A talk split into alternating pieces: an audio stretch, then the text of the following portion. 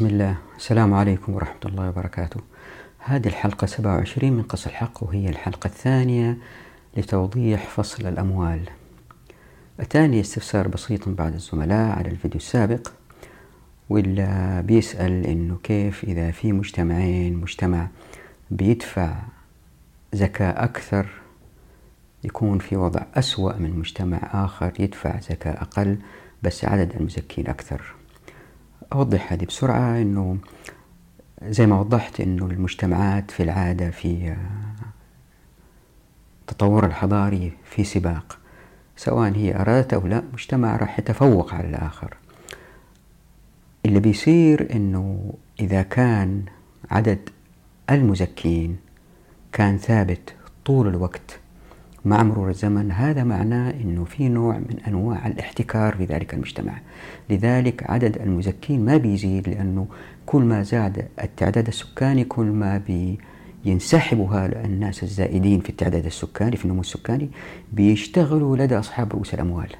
فيصبحوا موظفين ما لهم زكاة لأنه أموالهم بتنتهي بنهاية الشهر. راتب يأخذوه بينفقوه بينتهي. فالمجتمعات يمكن نقول ثلاثة أنواع. عدد المزكين ثابت عدد المزكين بازدياد عدد المزكين في نقصان. إذا كان المجتمع عدد مزكينه ثابت أو بينقص فهو مجتمع في الغالب أما أنه بينحدر أو أنه بيتقدم اقتصاديا لكن على حساب التلويث والفساد. أما إذا كان المجتمع عدد المزكين فيه في ازدياد برغم أنه الزكاة في وقت معين في تاريخ معين إذا قارنا مجتمعين زكاتهم أقل لكن عدد المزكين في ازدياد هذا معناه أن المجتمع ما في احتكار. وبالتالي عدد المزكين بيزيد وكل مزكي زكاته بالتدريج بتزيد. فمع الزمن هذا المجتمع راح يسبق المجتمعات الأخرى وهذه اللي تسوي الشريعة. توقفنا في الحلقة الماضية عند العفو وقلنا إنها كانت مدخل لبعض الفقهاء المتأخرين جزاهم الله خير واجتهدوا وقالوا أن العفو هو مال فائض عن الناس ويمكن الدولة لها الحق في أخذ هذا المال لاستثماره في الصحة العام. طيب للتوضيح العفو في اللغة هو أصل المال وأطيبه وهو الفضل والمعروف. قال تعالى ويسألونك ماذا ينفقون؟ قل العفو. وقد فسرها ابن عباس بأن العفو ما فضل عن أهلك. وقال قتادة وآخرون العفو أي الفضل. وقال تعالى في سورة النور أعوذ بالله من الشيطان الرجيم ولا يأت لأولو الفضل منكم والسعة أن يؤتوا أولي القربى والمساكين والمهاجرين في سبيل الله. وأولو الفضل كما هو معلوم هم أولو الطول والصدقة والإحسان. وفي حديث عن الرسول صلى الله عليه وسلم قال من كان عنده فضل ظهر فليعد به على من لا ظهر له ومن كان عنده فضل زاد فليعد به على من لا زاد له. وزي ما أنتم شايفين من الآيات والأحاديث أنه هي ثغرة يمكن يدخل منها بعض الفقهاء المتأخرين. جزاهم الله خير على اجتهادهم. ويذهبوا إلى القول بأخذ ما فاض جدا عن أموال الأثرياء. يمكن تكون ضرائب تأخذها الدولة عشان تنفقها للصالح العام وتلخص الدكتورة نعمة آراء هؤلاء الفقهاء بالقول واتفق مفكرو الاقتصاد الإسلامي أن تحقيق التنمية الاقتصادية مصلحة يبيح الإسلام لولي الأمر المسلم أن يوجب تحصيل العفو وتوجيهه لتحقيقها وذلك بحمل القادرين على دفع المزيد من المال فوق الموارد البشرية وهم الزكاة إلى حد العفو أي الفائض منهم عن حاجتهم حسب ما تكون المصلحة. ومن الأدلة المعروفة اللي قالوا فيها الفقهاء كلام أبو ذر اللي كان دائما يحث الناس رضي الله عنه على إنفاق ما فاض عندهم وإلا ستكوى بها جباههم وظهورهم في نار جهنم. آه هو كان دائما يحث الناس على الإنفاق لكل ما زاد عن حاجتهم. وهنا لابد من التذكير أن الفقهاء المعاصرين جزاهم الله خير كانوا يتصيدوا من الأثر مثل هذه الأحاديث لأنهم رأوا أنه الأمة لا يمكن أن تنهض من غير دولة.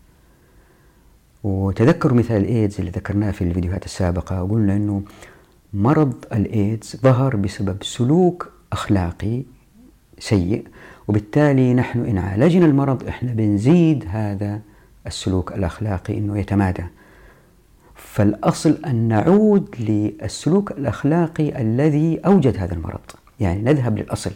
وهنا نفس الشيء. إذا كان فتحنا الأبواب للدولة لأخذ الأموال في أحد طريقين أما نصير زي الدول الغربية ونلوث أو نسير دولة فاسدة زي ما هو سائر في الدول العربية إلا أموال الدولة أصبحت آه، آه، اللي هي من الناس أصلا أصبحت لعبة في أيد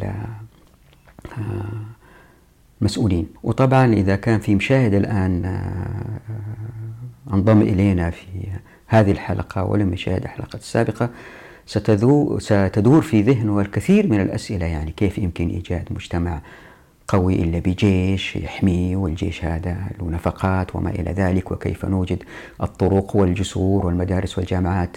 كثير من هذه الأسئلة مبررة وقد أجبت عليها في السابق. لذلك أرجو من الإخوان اللي انضموا معنا هذه الحلقة أو في الحلقات الأخيرة أنهم لابد من الرجوع للحلقات الأولى. الآن خلينا نرد على هذه الأدلة للفقهاء المتأخرين اللي استخدموها للتبرير للدول لأخذ العفو من الناس أو ما زاد من أموالهم جزء منه مثلا كضرائب لتقوم الدولة بنفقاتها. بالنسبة لقوله تعالى في سورة النور ولا يأتل أولو الفضل منكم والسعة أن يؤتوا أولي القربى والمساكين والمهاجرين في سبيل الله. هذه نزلت في أبو بكر رضي الله عنه لأنه في حادث الإفك في شخص اسمه مسطح كان أبو بكر رضي الله عنه يدعم ماليا فكان هو ممن تحدث ومصطح في آه، عائشة رضي الله عنها وأرضاها اللي طهرها القرآن ودافع عنها من سابع سماء رضي الله عنها وأرضاها. فأبو بكر وبعض الصحابة أقسموا أنهم يعني يوقفوا الدعم عن هؤلاء الذين تحدثوا في حادثة الإفك. فالآية أتت آه، ولا يأتي لي يعني آه، لا تحلفوا سامحوهم آه، انتهت المسألة. فأبو بكر رضي الله عنه قال بلى أحب أن يغفر الله لي فلأكونن ليتيمي خير مما كنت له قط. وبالنسبة لحديث الرسول صلى الله عليه وسلم من كان عنده فضل ظهر فليعد به على من لا ظهر له ومن كان عنده فضل زاد فليعد به على من لا زاد له. واضح من هذا الحديث ومن نصه أن الرسول صلى الله عليه وسلم بيحث الناس اللي عندهم ثراء أنهم يساعدوا الناس الآخرين. ما هو نص يقول أن الدولة لها أن تأخذ؟ لأن الرسول صلى الله عليه وسلم كان الرأس الأعلى في دولة الخلاء دولة النبوة وما أخذ من الناس. كان ينصحهم أنهم يعطوا فلوس النفس. ونفس الشيء كلام أبو ذر. كلام أبو ذر واضح للناس أن الناس يتصدقوا على الآخرين اللي ما عندهم. وما كان يقول للدولة يا دولة خذي من الناس وبعدين أنفقي على الفقراء. لا مسألة واضحة. وكيف تتأول على أنه الدولة لها الحق لأخذ أموال الأغنياء؟ هنا في مسألة لازم نوضحها. ألا وهي أنه لو تصرفت الدولة بهذا الشكل وأخذت من أموال الأغنياء عشان تنفقها على الفقراء يتكون جهاز إداري في الدولة وتتكون بيروقراطية وبعدين يصير احتكار وهذه رح نوضحها. وهذا الاحتكار يؤدي إلى إفقار الناس أكثر وأكثر. لكن إن فتحت أبواب التمكين زي ما قلت في الموارد والموافقات والمعرفة والناس لهم الأخذ من الموارد مباشرة بشوية ذكاء يتمكنوا يبدأوا ياخذوا ويبدأوا ينتجوا وبالتالي يزداد المجتمع غنى وفي كلام حلو لابن حجر يوضح في مسألة الخلاف بين الفقهاء في ضرورة إنفاق الفضل. هل هو ضرورة أو يعني هل هو ملزم للإنسان الثري أنه ينفق ما زاد من احتياجاته ولا لا؟ يقول قال ابن عبد البر وردت عن أبي ذر آثار كثيرة تدل على أنه كان يذهب إلى أن كل مال مجموع يفضل عن القوت وسداد العيش فهو كنز يذم فاعله. وأن آية الوعيد نزلت في ذلك وخالفه جمهور الصحابة ومن بعدهم وحملوا الوعيد على مانع الزكاة وأصح ما تمسكوا به حديث طلحة وغيره في قصة الأعرابي حيث قال هل علي غيرها؟ قال لا إلا أن تطوع. انتهى. هذا الحديث تذكروا ناقشناه في الحلقة الماضية. والظاهر أن ذلك كان في أول الأمر كما تقدم عن ابن عمر وقد استدل به ابن بطال بقوله تعالى ويسألونك ماذا ينفقون قل العفو أي ما فضل عن الكفاية. فكان ذلك واجبا في أول الأمر ثم نسخ. والله أعلم. وفي المسند من طريق يعلى بن شداد بن أوس عن أبيه قال كان أبو ذر يسمع الحديث من رسول الله صلى الله عليه وسلم فيه الشدة ثم يخرج إلى قومه ثم يرخص فيه النبي صلى الله عليه وسلم فلا يسمع الرخصة ويتعلق بالأمر الأول. وبالنسبة لمعنى العفو في الآية إذا كان الواحد نظر لكتب التفاسير أنا ما شفت كل الكتب طبعا بس شفت معظمها ما وجدت ما وجدت أي تأويل أو تفسير لأحد. الفقهاء يقول أنه العفو هو حق في أموال الفقراء عند الأغنياء عن طريق الدولة يعني الدولة تأخذه وتعطيه. ما في الكلام هذا. الموجود أنه الناس إذا أرادوا الأثرياء منهم يعطوها للفقراء. وحطيت هنا في الشاشة استنتاجات اللي حب يشوفها يوقف الشاشة ويقرأها لأقوال آه، مهمة لبعض الصحابة والتابعين عن العفو وما معناه. وفي أقوال تقول أنه العفو هو الصدقة يعني الزكاة. مثلا آه، قال قيس بن سعد هذه الزكاة المفروضة. وعن مجاهد شك أبو عاصم قول الله جل وعز قل العفو قال الصدقة المفروضة. ثم يقول الطبري وأولى هذه الأقوال بالصواب قول من قال معنى العفو الفضل من مال الرجل عن نفسه وأهله في مؤنتهم وما لا بد لهم منه. وذلك هو الفضل الذي تظاهرت به الأخبار عن رسول الله صلى الله عليه وسلم بالإذن في الصدقة وصدقته في وجوه البر. وزي ما هو واضح أنه من هذا التعريف أنه العفو أموال اختيارية الناس إذا حبوا يتصدقوا فيها وليست فرض عليهم. والإثبات هذا الطبري يذكر عدة أحاديث منها مثلا حديث أبو هريرة رضي الله عنه. قال رجل يا رسول الله عندي دينار. قال أنفق على نفسك. قال عندي آخر. قال أنفقه على أهلك. قال عندي آخر. قال أنفقه على ولدك. قال عندي آخر. قال فأنت أبصر. يعني شوفوا في هذا الحديث الرسول صلى الله عليه وسلم كولي أمر المسلمين ما أخذ منه المال. لا حاول يبين له مصارف هذا المال الزايد اللي عنده وبالترتيب. وما كان أول شيء آه هاتها آه نشتري فيها أسلحة لمقاتل الأعداء أو نحفر فيها بئر أو لا ما كان كذا. ومن هذه الأحاديث ما رواه جابر بن عبد الله قائلا قال رسول الله صلى الله عليه وسلم إذا كان أحدكم فقيرا فليبدأ بنفسه فإن كان له فضل فليبدأ مع نفسه بمن يعول ثم إن وجد فضلا بعد ذلك فليتصدق على غيرهم. وفي حديث ثاني كمان عن جابر بن عبد الله أتى رسول الله صلى الله عليه وسلم رجل ببيضة من ذهب أصابها في بعض المعادن فقال يا رسول الله خذ هذه مني صدقة فوالله ما أصبحت أملك غيرها فأعرض عنه. فأتاه من ركنه الأيمن فقال له مثل ذلك فأعرض عنه. ثم قال له مثل ذلك فأعرض عنه. ثم قال له مثل ذلك فقال هاتها يعني الرسول صلى الله عليه وسلم مغضبة. فأخذها فحذفه بها حذفة لو أصابه شجة أو عقرة. ثم قال يجيء أحدكم بماله كله يتصدق به ويجلس يتكفف الناس. إنما الصدقة عن ظهر غنى. يعني شوفوا في هذه الأحاديث وبالذات في في الحديث الأخير آه، الذهب. الرسول صلى الله عليه وسلم كان حريص أن الناس يكونوا دائما أغنياء وبالتدريج الناس إلا من حولهم يكونوا أغنياء. لأنه إذا هذا صار عزيز وأعطى إلا من حوله وصاروا أعزاء مو مال يروح في يد الدولة وينفقوه على كيفهم والله أعلم تروح للفقراء ولا ما تروح وعندهم مكاتب وعندهم آه، مباني يستأجروها وعندهم سيارات ويروحوا فيها كلها نفقات هذه ما لها داعي.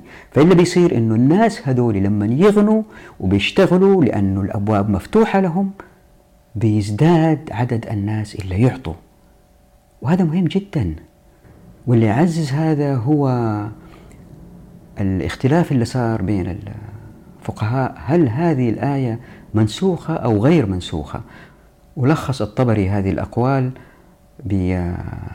بكلام حلو وضعته هنا في الشاشة يبين بوضوح أنه برغم الاختلافات الموجودة أنه ما حد قال أنه العفو هو مال يؤخذ من الناس ويذهب للدولة.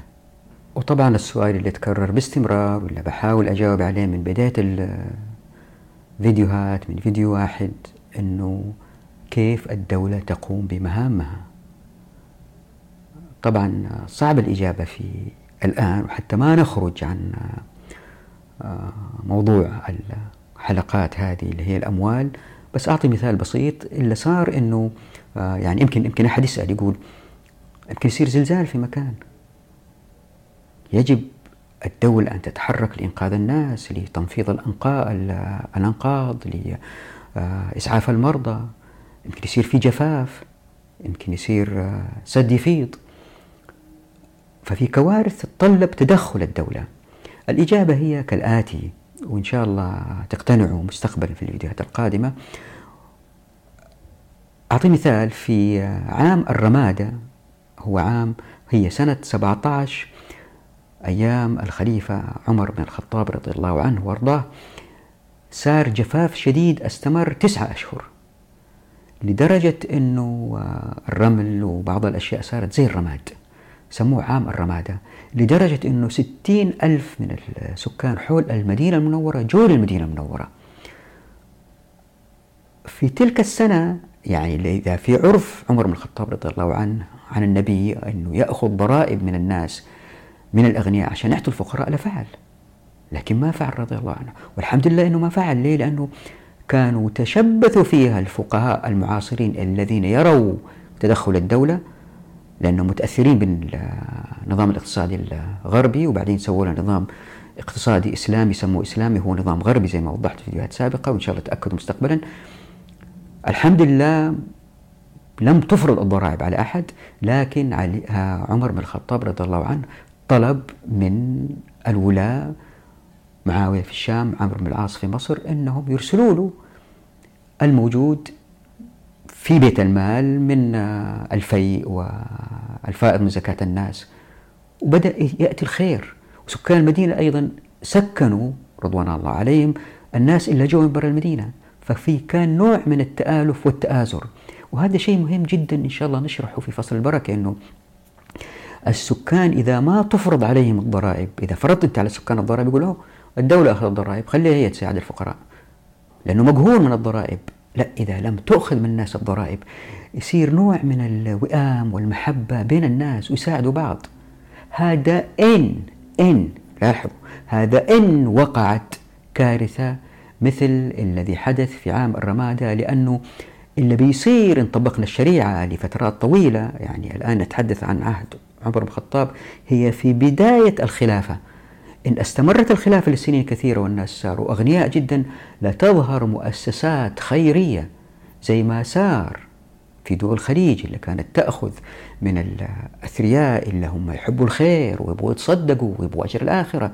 كانت تأخذ من هذه الأموال وتوديها للفقراء في أماكن أخرى. أنا والدي كان ضابط عميد متقاعد من الجيش وبعد ما تقاعد اشتغل في هيئة هيئة الإغاثة الإسلامية العالمية وكان بيقول لي محل ما نذهب العقبة المشكلة أمامنا هي الدول. أنظمة وقوانين وخايفين هذه الأموال بندخلها عشان أعمال إرهابية ولا عشان الناس ولا عشان كانت هي العقبة. كان دائما يشتكي الله يرحمه من هذه السلطات والتسلطات. لكن إن لم توجد هذه الدول المتسلطة لأنه ما عندهم موظفين والناس يحبوا الخير لبعض تتجمع الأموال وتتحل معظم المشاكل. فهذه الافتراضات أنه سيقع كذا ونحتاج كذا لن تقع أصلا. ليه؟ لأن الناس دائما أغنياء يساعدوا بعض. مثال آخر بالإضافة إلى عام الرمادة هو فعل الرسول صلى الله عليه وسلم في بئر روما. يعني زي ما أنتم عارفين معظم الحضارات حتى الغربية الآن ما يستخدموا الماء في دورات المياه. الإسلام يعني دين زي ما قال مستشرق حضاريا مبني على ضرورة وجود الماء لذلك يقول يعني هذا المستشرق أنه آه، طبعا كلامه ما هو صحيح بس هو يقول أنه عشان تعرف أن المدينة إسلامية ولا لأ شوف هي جنب مصدر ماء ولا لأ. إذا هي جنب مصدر ماء معناته هي المسلمين لأنه يستخدموا الماء في الوضوء. لأ مش آه، مش بالضرورة لأنه ممكن الناس يستوطنوا ويستحدثوا الماء إذا إذا اضطروا. هذا هذا موضوع جانبي. المهم الماء كان مهم جدا جدا جدا.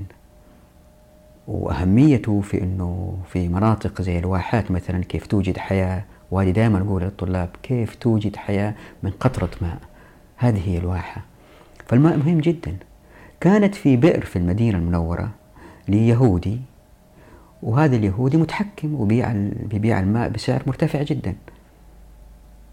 شوفوا الماء مهم. للوضوء للاغتسال من الجنابة للزراعة شيء مهم جدا. والمدينة المنورة منطقة ما هي ممطرة زي ما نعرف. فكان البئر هذا مصدر مهم جدا للمسلمين. في أهم من الماء في المدينة المنورة في ذلك الوقت للمسلمين كمسألة حياة يعني صعب جدا تجد حاجة أخرى مهمة في مستوى الماء. من المواد المادية يعني. يمكن تستغني عن الطين بالحجر تستغني عن الثمرات بثمرات أخرى لكن الماء لابد منه وجعلنا من الماء كل شيء حي. فإلا صار أنه الرسول صلى الله عليه وسلم ما فرض انتبهوا ما فرض ضرائب على الناس لهذا الشيء المهم. أنا دائما أقول من هذا المثال أنه فعل أو حياة الرسول صلى الله عليه وسلم والخلفاء هي نموذج لنا. لأيامنا هذه لأنه ما في حالة إلا غطتها. ومنها الضرائب. ما فرض ضرائب على الناس لكن قال من يشتري بئر روما فيكون دلوه فيها كدلاء المسلمين أو كما قال صلى الله عليه وسلم. فتصدى لها عثمان بن عفان رضي الله عنه وأرضاه وأشتراها وخلاها سبيل للمسلمين. ليه؟ لأنه صلى الله عليه وسلم يعرف أنه إن جمع تطوعا بعض الأموال من الناس لشراء البئر قد يأتي فقهاء متأخرين يقولوا ها هو فرض ضرائب على الناس للمصلحة العامة. لا صلى الله عليه وسلم يعرف أنه هذا المال إن تجمع عند مسؤولي الدولة سيأتي يوم مسؤول فاسد ويفسد كل الدنيا. ومن العصور المتأخرة كان للأئمة مواقف واضحة ضد الضرائب. المثال اللي أعطيته عن بئر روما عن وقت سلم لمادة يحتاجها المسلمين في السلم لكن إيش اللي يصير أيام الحرب؟ يمكن يأتوا الأعداء ويحتلوا بلاد المسلمين ولا بد من التصدي لهم ممكن ما تكون في أموال تجهيز الجيش. اللي صار مثلا أيام المماليك قطز لما حاول يحارب التتار وقف له ابن عبد السلام بشدة قال له ما يمكن أوافق لك على فرض الضرائب على الناس إلا إذا كان فضيت بيت مال المسلمين من جميع الأموال الموجودة فيها وبعت الذهب اللي عندك ولا عند الجواري اللي عندك ولا عند الجنود اللي عندك. نفس الشيء حدث مع محي الدين النووي أيام الظاهر بيبرس لما حاول يحارب التتار في الشام. آه الحمد لله انتصر عليهم اللي صار إنه رفض تماما محي الدين النووي انه يوقع وقال له كما أثر آه كما ورد في كتب الأثر أنا أعرف يعني آه محي الدين النووي بيكلم الظاهر بيبرس بيقول له أنك كنت في الرق للأمير بندقدار وليس لك مال ثم من الله عليك وجعلك ملكا وسمعت أن عندك ألف مملوك لكل مملوك حياصته من الذهب وعندك مائة جارية لكل جارية حق من الحلي فإن أنفقت ذلك كله وبقيت مماليكك بالبتون والصوف بدلا من الحوائص وبقيت الجواري بثيابهن دون الحلى أفتيتك بأخذ المال من الرعية. يعني شوفوا كيف هنا بوضوح كان للنووي موقف واضح وشديد. آه، طبعا هم بيتبعوا النص بيتبعوا الدليل وهذا هو المنهج السليم. اتباع النص والدليل لأن عقولنا قاصرة زي ما وضحت في آه، الحديث في الفيديوهات عن قصور العقل في الفيديوهات السابقة. لكن مع الأسف اللي صار مع الفقهاء المتأخرين إنه بعضهم لما رأوا الدول الحديثة وكيف لازم تبني القطارات والمطارات وهذه المرافق ولا يمكن يقوموا بها الناس. طبعا هذه يقوموا فيها الناس إن شاء الله نوضحها بعدين لو وضحت بعضها. إنه صعب يقوموا بها الناس فبالتالي لابد من الدولة من موارد. فمثلا الإمام القرضاوي رضي الله عنه وأرضاه وأنا أقدر هذا الشيخ كثير وأرجو من إخوة ألا يصطادوا في الماء العكر ويقولوا والله هذا جميل بينتقد الشيخ القرضاوي. لا إخوان مسلمين ما هو إخوان مسلمين؟ أنا يا جماعة الخير لا أنتمي لأي حزب سياسي ولا لي موقف من أي جهة. ما عدا الجامية والمدخلية لا أوافقهم فيما ذهبوا إليه تماما وأعتقد إنهم أحد أسباب تخلف المسلمين. لكن عموما جميع الفقهاء الآخرين يخطئوا. لكن لا يعني هذا أننا آه، يعني بنقد بعض ما قالوه مو كل ما قالوه بعض ما قالوه انه والله آه، هناك عدم موافقه في توجهاتهم. وزي ما وضحت مرارا وفي أول كتاب قص الحق أنا لا أنتمي لأي حزب فلا يعني انتقادي للشيخ القرضاوي أنني مع أو ضد اتجاه معين سياسي. فيقول القرضاوي بعد ما درس عدة توجهات للفقهاء المتأخرين بيستنتج من ما قالوه الآتي أما الحقوق الأخرى فهي حقوق طارئة غير ثابتة ثبوت الزكاة. وغير مقدرة بمقدار معلوم كمقادير الزكاة فهي تختلف باختلاف الأحوال والحاجات. يعني بتكلم هنا عما تأخذه الدولة من أموال الناس وتتغير بتغير العصور والبيئات والملابسات وهي في الغالب لا تجب على الأعيان بل على الكفاية. فإذا قام بها البعض سقط الحرج عن الباقين. وقد تتعين أحيانا كأن يرى الشخص مضطرا وهو قادر على دفع ضرورته فيجب عليه دفعها أو يكون له جار جائع أو عريان وهو قادر على معونته. كما أن الغالب أن توكل هذه الحقوق إلى إيمان الأفراد وضمائرهم دون تدخل السلطة. إلا أن يرى حاكم مسلم أن يفرض بقوة القانون فرضا ما أوجبه الإيمان إيجابا. هذه جملة خطيرة. إلا أن يرى حاكم مسلم أن يفرض بقوة القانون فرضا ما أوجبه الإيمان إيجابا. يعني فصل بين إيمان الناس وإيش يمكن يسووه بدافع إيمانهم ونقل هذه إلى الدولة وهنا تتغير مقصوصة الحقوق وخاصة إذا كثرت حاجات الأفراد واتسعت نفقات الدولة وأعباؤها. كما في عصرنا الحديث فحينئذ لا بد من تدخل الدولة وإلزامها. فزي ما أنتم شايفين في الجملة الأخيرة هذه يعني توسع دائرة حقوق الدولة بالأخذ من الناس. ويستنتج في مكان آخر كلام أقوى يقول أما الضرائب التي تفرض بالشروط التي ذكرناها لتغطي نفقات الميزانية وتسد حاجات البلاد من الإنتاج والخدمات وتقيم مصالح الأمة العامة العسكرية والاقتصادية والثقافية وغيرها وتنهض بالشعب في جميع الميادين حتى يتعلم كل جاهل ويعمل كل عاطل ويشبع كل جائع ويأمن كل خائف ويعالج كل مريض. أما هذه الضرائب لهذه الأغراض المذكورة وما شابهها فلا يشك ذو بصر بالإسلام أنها جائزة بل واجب الآن. وللحكومة الإسلامية الحق في فرضها وأخذها من الرعية حسب المصلحة وبقدر الحاجة.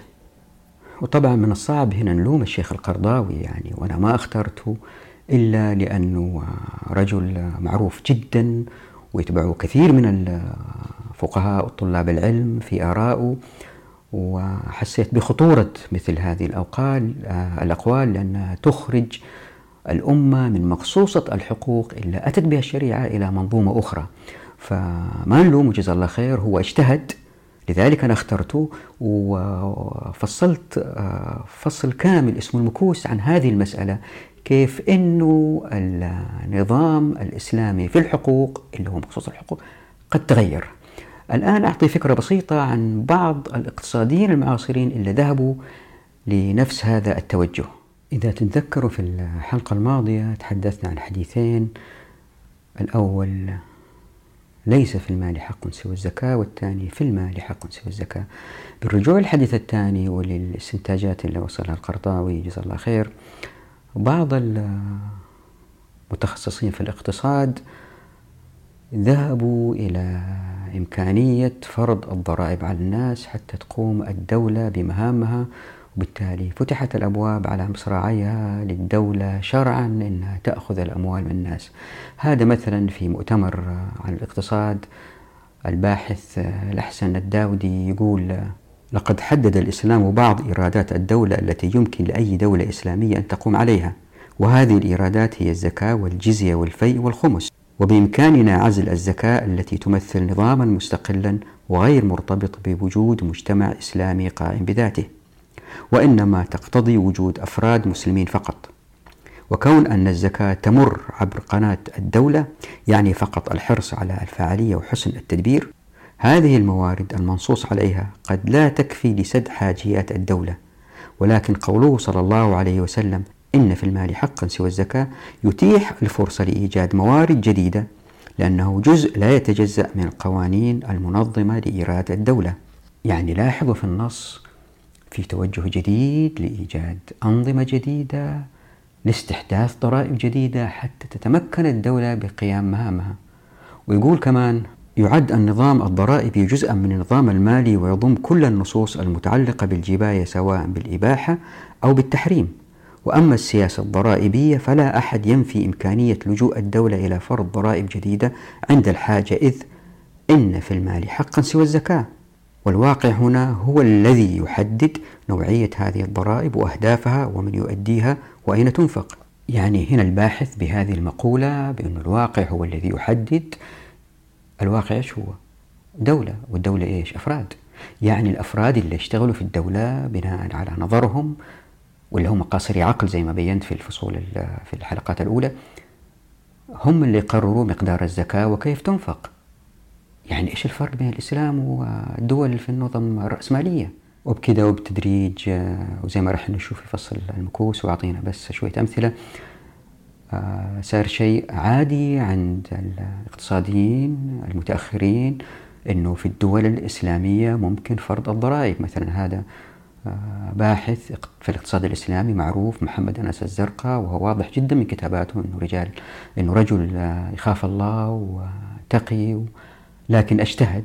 فبيقول أنه يستحيل الاعتماد على الزكاة اللي تأخذها الدولة لأنه زي ما رح نشوف إن شاء الله في فصل الأموال قدام آه، مش دائما الدولة تأخذ الأموال من الناس لا في في ظروف رح, رح نوضح إن شاء الله. هو افترض هنا أنه الدولة تأخذ الزكاة وأنه الزكاة ما راح تكون كافية للدولة للقيام بمهامها. فلا بد من إيجاد ضرائب أخرى غير الزكاة.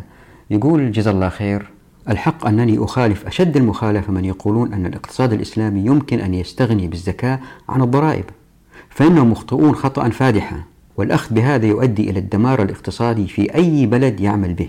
يعني يقصد أنه إذا فقط الدولة أخذت الزكاة وما فرض الضرائب راح تكون كارثة. فهناك دول حاولت بلحظة حماس أن تفرض نظام الزكاة وتلغي الضرائب التي كانت قائمة وأدى ذلك إلى مشكلات مستعصية تصل إلى التراجع عن هذا أصلا. وإذا عرفت موارد الزكاة التي حددها الله سبحانه وتعالى حصرا تدرك فورا أن نفقات أي دولة معاصرة تحتاج إلى غير الزكاة من الموارد. انظر إلى قائمة النفقات واستبعد منها كل ما ترى أنه غير جائز شرعا أو غير ضروري. سيبقى لديك قائمة طويلة مما ترى بالحس والعقل أنه ضروري شرعا أو عقلا.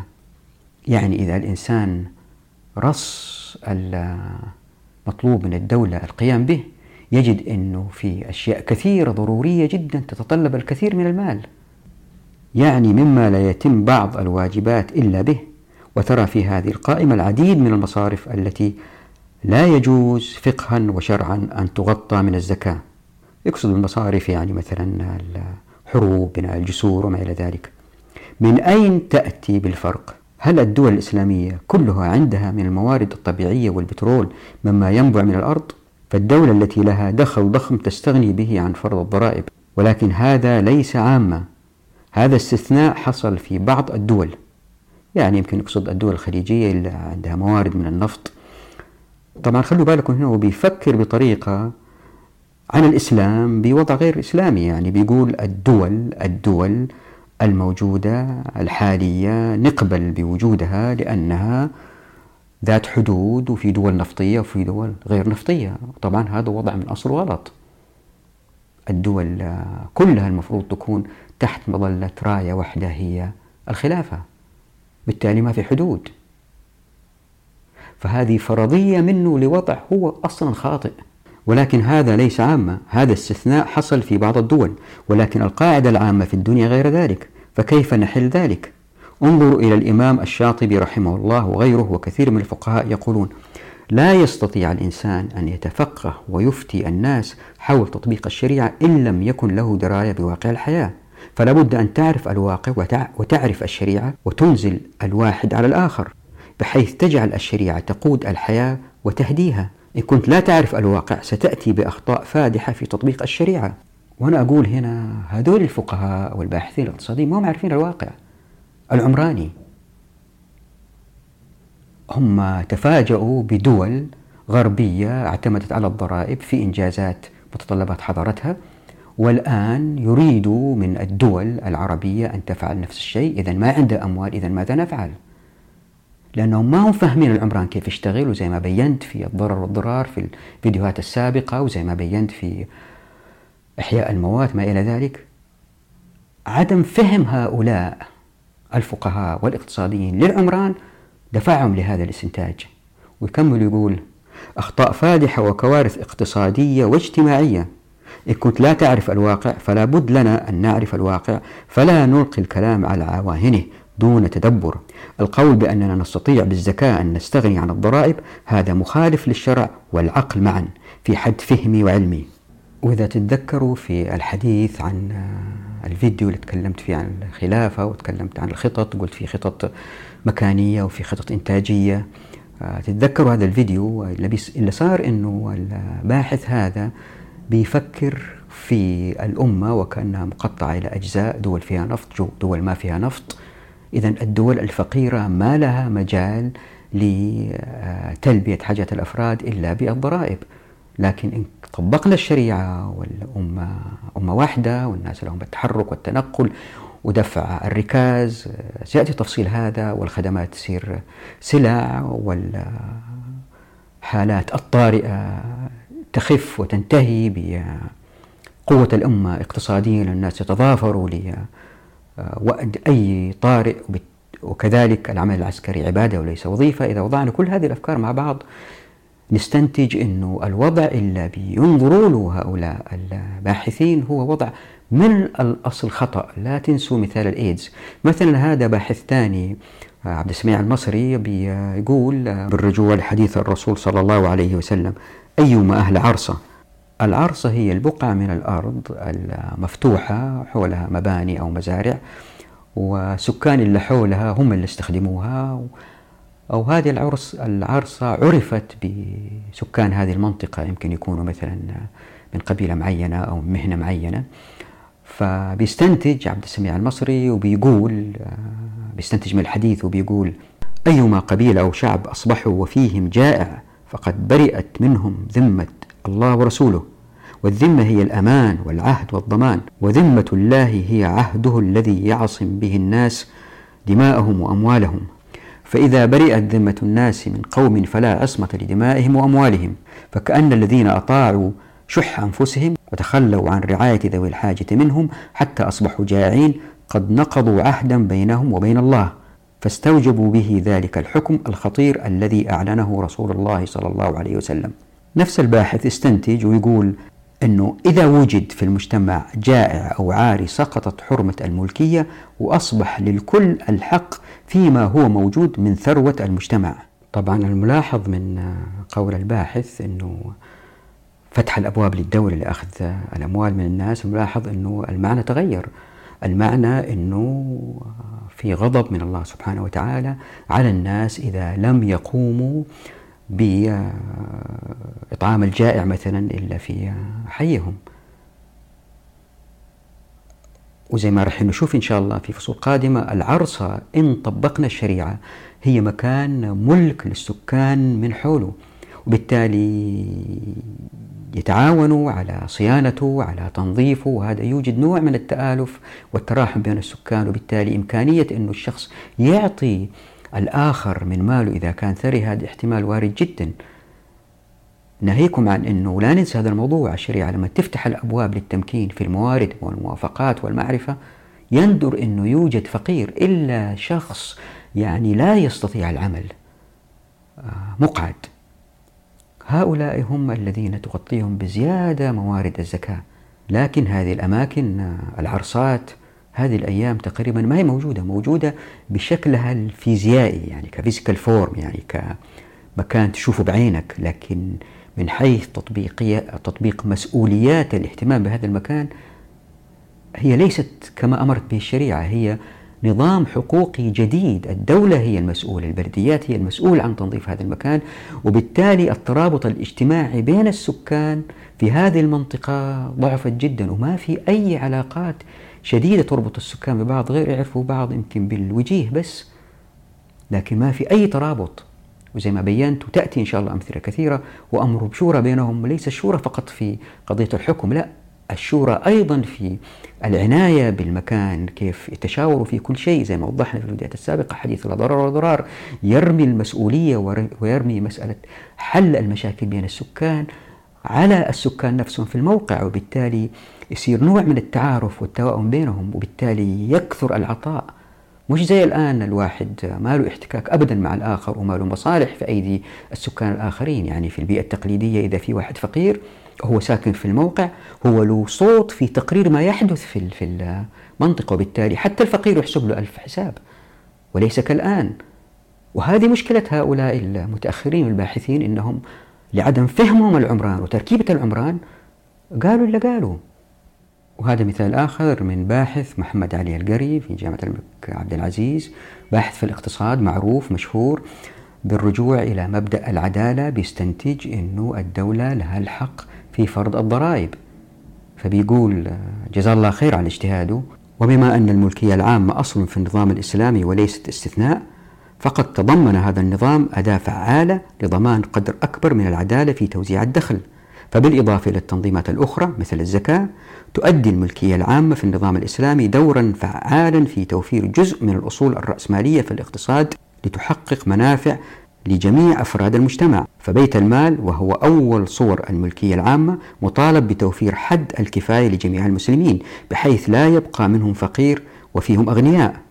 ولا يتخلى بيت المال عن تحقق هذا الهدف إذا قصرت موارده العادية عن تغطية هذه النفقة. إذ يجوز لولي الأمر إذ يجوز لولي الأمر أن يفرض على الأغنياء القادرين الضرائب ليحقق لبيت المال إيراد يمكنه من توفير الحد الأدنى الضروري من مستوى المعيشة لجميع أفراد المجتمع. طبعا يجب ألا نلوم هذا الباحث على هذا الاستنتاج لأنه آه، معروف هو ساكن في الحجاز وباحث معروف وشاف بعض الحارات مثلا في مكة أو جدة آه، فقر شديد وفي أثرياء بقصور فارهة جدا جدا. وطبعا كأي إنسان يعني عنده ذرة إحساس لا يقبل هذا الوضع وبالتالي يجتهد في استحداث آه، وسائل لفتح الأبواب للفقراء ليأخذوا من هذا المال من الأغنياء. فقال آه، ما نلومه طبعا وما في زعل وأرجو أنه بعض المحدثين ما يزعلوا مني لهذا الموقف لكن لابد من أن توضيح الحقائق أن آراءهم التي استنتجوها لاستحداث الضرائب هي أوضاع معاصرة لن تقع أبدا. وأيضا كما سنرى إن شاء الله في الحديث عن الجويني مثلا في فصل الديوان بآراء افتراضية أنه ما الذي يحدث لو المسلمين ضعفوا والأعداء اقتربوا من حدودهم. ما الذي سيحدث هناك أيضا؟ هو فرض الضرائب أو المكوس. المهم سنأتي لتفصيل هذا لا نقفز. هناك ظروف لأن الشريعة لم تطبق. وضعت الفقهاء في موقف في موقف حرج. وقالوا ما قالوا. واللي بحاول أبين أنه هذا لن يقع لأن الناس لهم حق إحياء المعادن إحياء الموات لهم الحق التصرف بدون إذن أحد إلا إن أضروا بالتالي هم أحرار في التحرك والعمل شراكات ويزداد الخير إن شاء الله. والخير الكثير هذا الذي ينتشر مع القليل من الزكاة الذي سيؤخذ يجعل الطائفة القليلة التي لم تعمل تعمل وتنتج ويزداد الخير. آه سيأتي تفاصيل هذه إن شاء الله في الحلقة القادمة وبالذات بالنظر إلى أشياء صغيرة قد لا تخطر على البال كيف الشريعة آه معجزة في الفصل بين الناس. وتذهب الأموال مباشرة من غير ضياع من المزكين إلى المستحقين في الحديث عن آه، الأحجام والأوزان مثلا الصاع آه، مقدار الزكاة. سيأتي هذا إن شاء الله في الحلقات القادمة. نتوقف هنا. نراكم على خير وفي أمان الله. دعواتكم.